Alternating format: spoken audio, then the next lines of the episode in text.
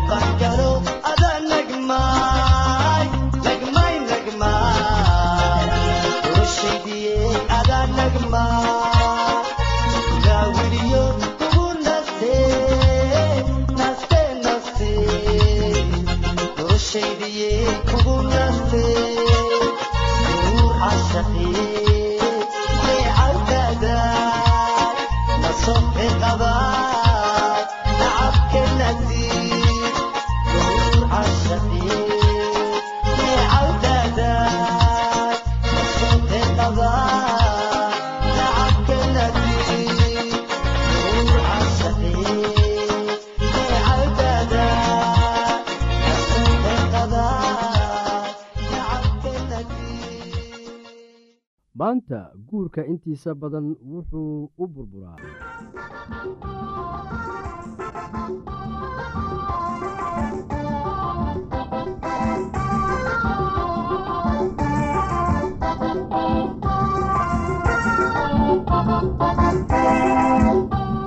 dhegeystayaashana qiimaha iyo qadirinta mudanu waxaad ku soo dhowaataan barnaamijkeenii caafimaadka oon kaga hadlayno tusaalaha caafimaadka. Mowduuciina maanta wuxuu ku saabsan yahay waxyaabaha sababa ama keena cudurrada jirooyinka waxaa keena arrimo is-urursaday markaad ka fekerayso sida looga hortegi lahaa ama loo daaweyn lahaa cudurrada waa inaad ka fikirtaa laba siyaabood waa midda koowaad ee cudurrada la isqaadsiiyo iyo cudurrada aan la isqaadsiin. Cudurada la isqaadsiiyo waa kuwa ku faafa qof ilaa ka qof. Cudurada aan la isqaadsiin waxay leeyihiin sababo badan oo kala duwan laakiin weligood ma sababaan jeermis bakteriya ama waxyaabo kale oo noolaha ah jirka soo weerara. Waxaa waajib ah in la aqoonsado daawada antibiyootikada ah ha u qaadanin cudurrada aan la isqaadsiin tusaale ahaan cudurrada aan la isqaadsiin mushkuladda cudurka waxay ka timaadaa shaygaasoo wax jirka ka dhammaaday ama ka xumaaday. Waxaa kaloo keena wax jirka dibadda uga yimaada kaasoo dhibaato ama waxyeelo ama mashaqo u keena. Waxaa kaloo keena wax jirku u baahan yahay oo uu waayo iyo kuwa lala dhasho cudurrada la isqaadsiiyo. Cudurada la isqaadsiiyo waxaa u sababa bakteriya iyo waxyaalo kale kuwaasoo waxyeela jirka. Jidad badan ayay ku faafaan. Bakteriyadu waa wax ilimo aragto ah aad bay u yar tahay. Ma arki kartid ilaa weyneyso aad ku eegto mooye. Waxaynu weyneysadu waa qalab waxaa ilimo aragtada ah weyneeya. Fayraska waa ka yaryahay bakteriyada hana ku daaweynin fayraska antibiyootikada si loo ogaado baahida qofka buko marka hore waa inaad weydiisaa su'aalo muhiim ah kadibna aada baartaa had iyo jeer qofka ku baar meel ilays fiican leh. Waxaa jira waxyaabo aasaasi ah in la weydiiyo lagana eego qof kasta oo buka. Kuwani waxay isugu jiraan waxyaabo qofka bukaa uu dareemayo sidoo kale waxyaabaha aad ku aragto inta aad baarayso ka bilow xanuunka hayaa qofka inaad weydiiso. Inta aadan taaban qofka bukaa si taxadir leh u eg dhowr inta ay jiradiisu iyo tabardaradiisu tahay sida uu u dhaqaaqayo sida uu u neefsanayo ama sida ay maskaxdiisu saafi u tahay.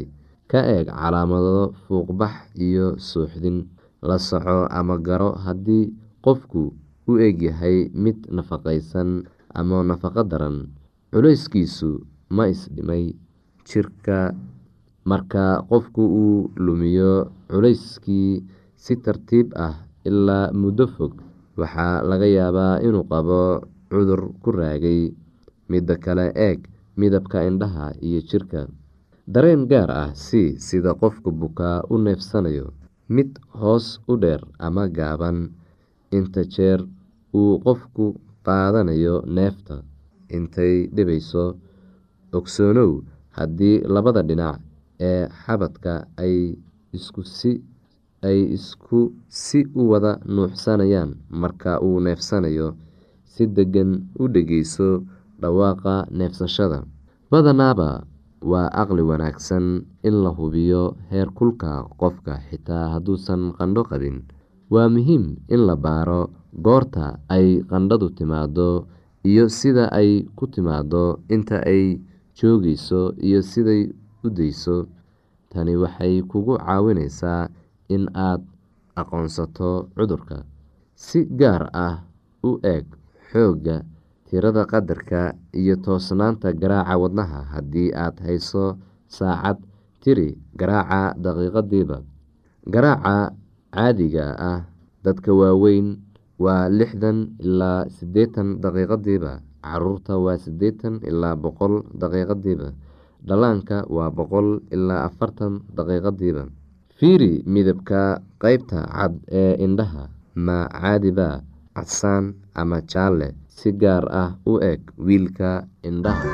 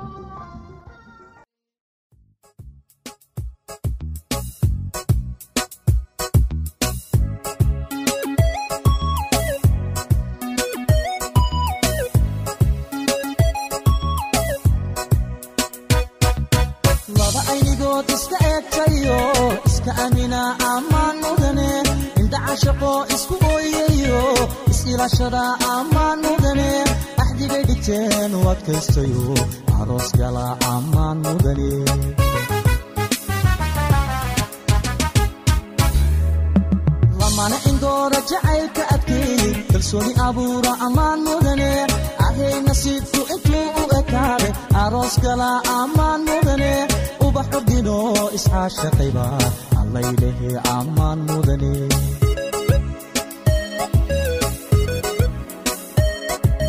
laba aynigood iska eegtayo iska amina ammaan mudane indhaca shaqo isku ooyayo is-ilaashada ammaan mudane axdigay dhigteen u adkaystayo aroos gala ammaan mudane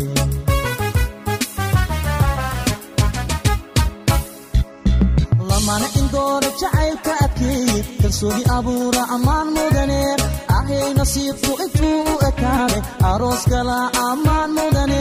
Ubax ordino isxaashaqayba allaylehe ammaan mudane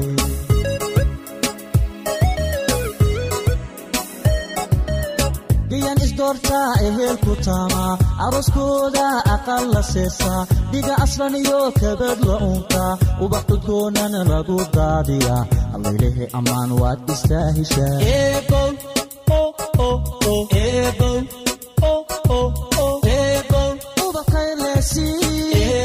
u adeegasi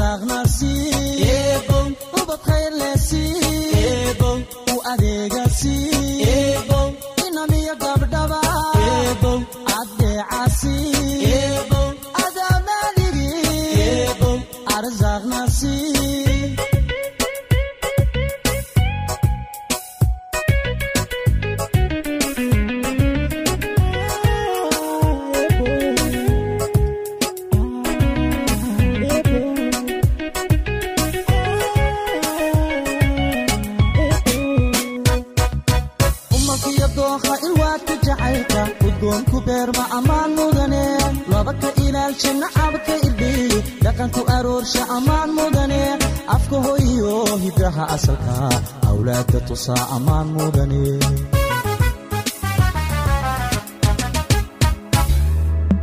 laba aramida imtixaanka jacayl u adkaystebaa ammaan mudane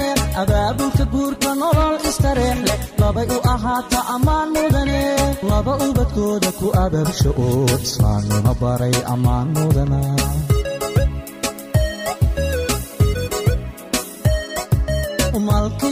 malkiyo dookha ilwaadka jacaylka udgoonku beerma ammaan mudane.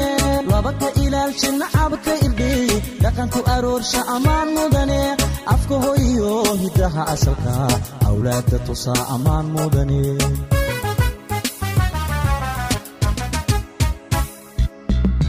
Imtixaanka jacayl u adkaystebaa ammaan mudane. Abaabulka guurka nolol istareex labay u ahaata ammaan mudane laba ubadkooda ku abaabsha oo islaamnimo baray ammaan mudana.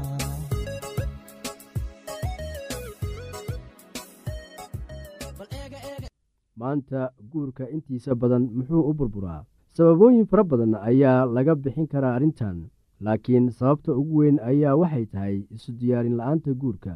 Labada da-yar oo isguursatay ayaa gabadhii waxay u carootay rarkooda iyaga oo aan xitaa hal sano oo buuxo aan isqabin. Muddo haddeer laga joogo dhowr bilood sahra iyada oo aad quruxdeeda la yaabto ayaa waxay guursatay cabdi. Sahre marka ay dib gurigooda ugu soo laabatay ayaa waxay ku ooysay guurku waa ka duwan yahay sidii aan aniga u haystay inuu noqonayo. Cabdi waa ninkeedee isaguna aad ayuu u dhibaataysnaa oo u caraysnaa isagoo leh. Sahra way isbeddeshay arooska kadib guurka ka hor wax waliba waynu isla oggolaan jirnay oo wax kastaanu ka hadli jirnay laakiin taas iyada ah waxay dhammaatay kadib isla markii aynu aqal galnay. Markii aan isku dayo inaan soo qaado mid ka mid ah dhibaatooyinka aynu qabno si aynu uga wada hadalno. Fikraddii aan soo jeediyaba way igu xiraysaa qaylinaysaa oo weydiidaysaa in wax isbeddel ah lagu sameeyo go'aano hore oo aynu gaarnay. Xidhiirkeennu ma ahan sidii aan rajaynayey haddeer kadib tallaabo nooce ah ayaynu qaadnaa. Riyadii ay lahaayeen labadan qof maxaa dhaawacay oo kala firdhiyey arooskooda ka hor waxay lahaayeen riyooyin aad u waaweyn oo ku saabsan noloshooda.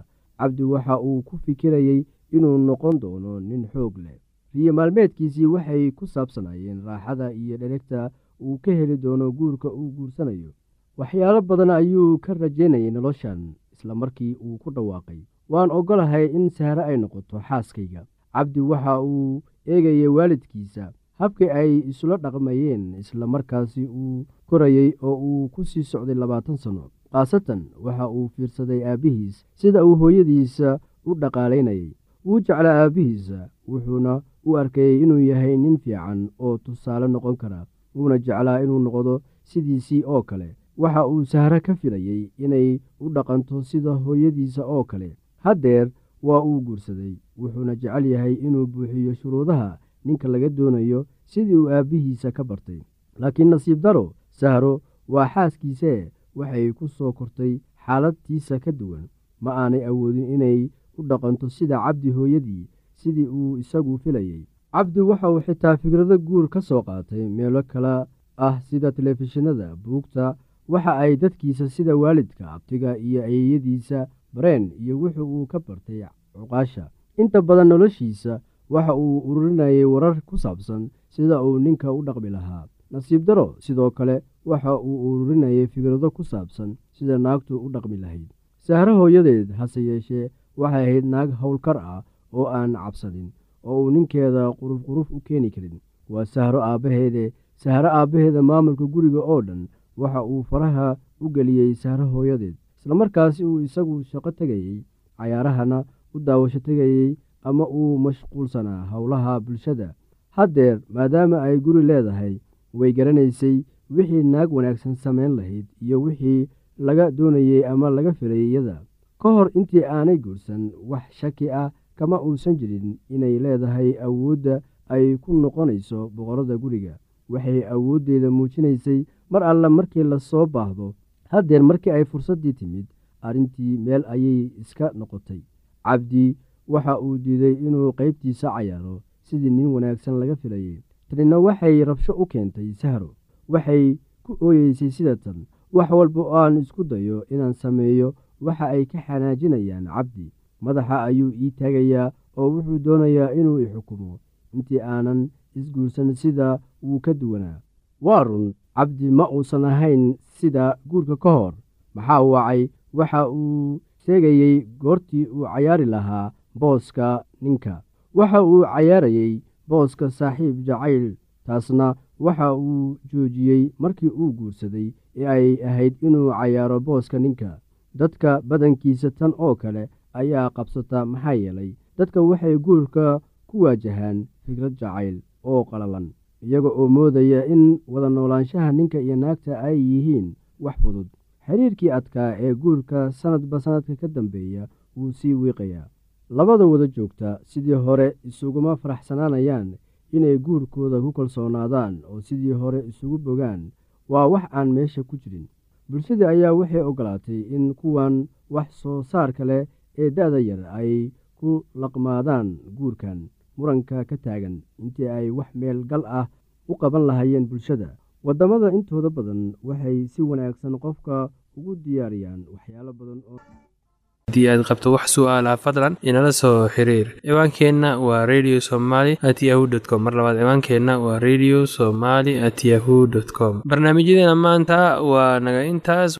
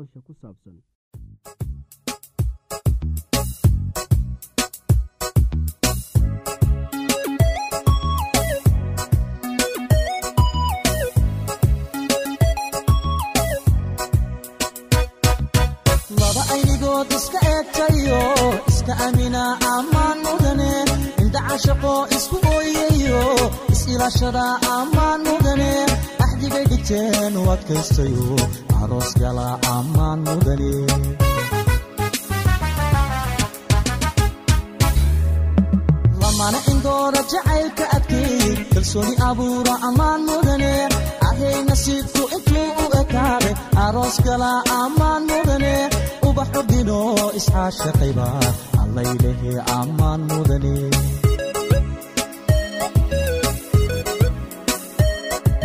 laba aynigood iska eegtayo iska amina ammaan mudane indha cashaqo isku ooyayo is-ilaashada ammaan mudane axdigay dhigteen u adkaystayo aroos gala ammaan mudane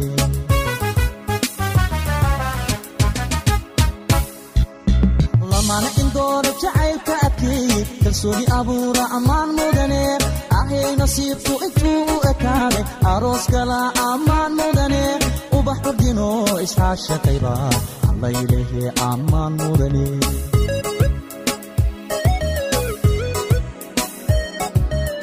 gayan isdoortaa ehelku taamaa arooskooda aqal la seesaa dhiga aslan iyo kabad la unkaa ubax cudgoonana lagu daadiyaa allaylehe ammaan waad istaahishaa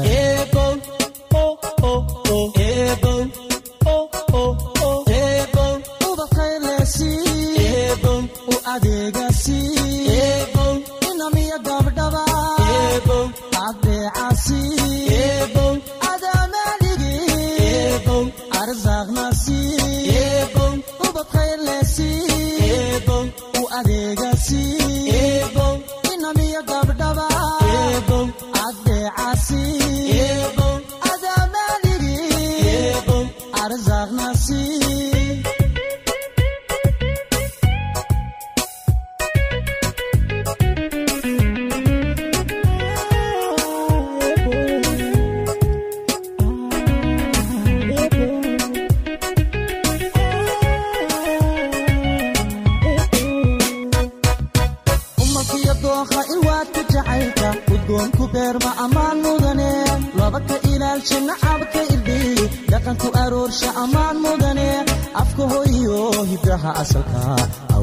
tusaa ammaan mudane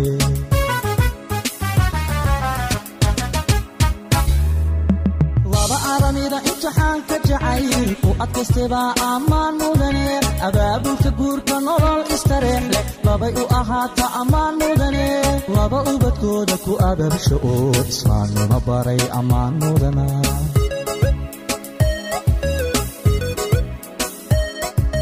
malkiyo dookha ilwaadka jacaylka udgoonku beerma ammaan mudane laba ka ilaalsha nacabka irdhiy dhaqanku aroorsha ammaan mudane afka hoyo hiddaha asalka awlaadda tusaa ammaan mudane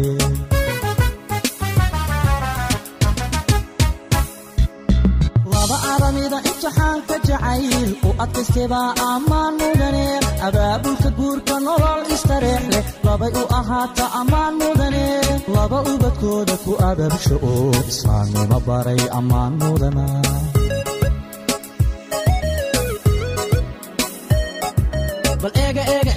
ubaxani baeegaarkoo eegaaqaadka jacay adkaystay eega eg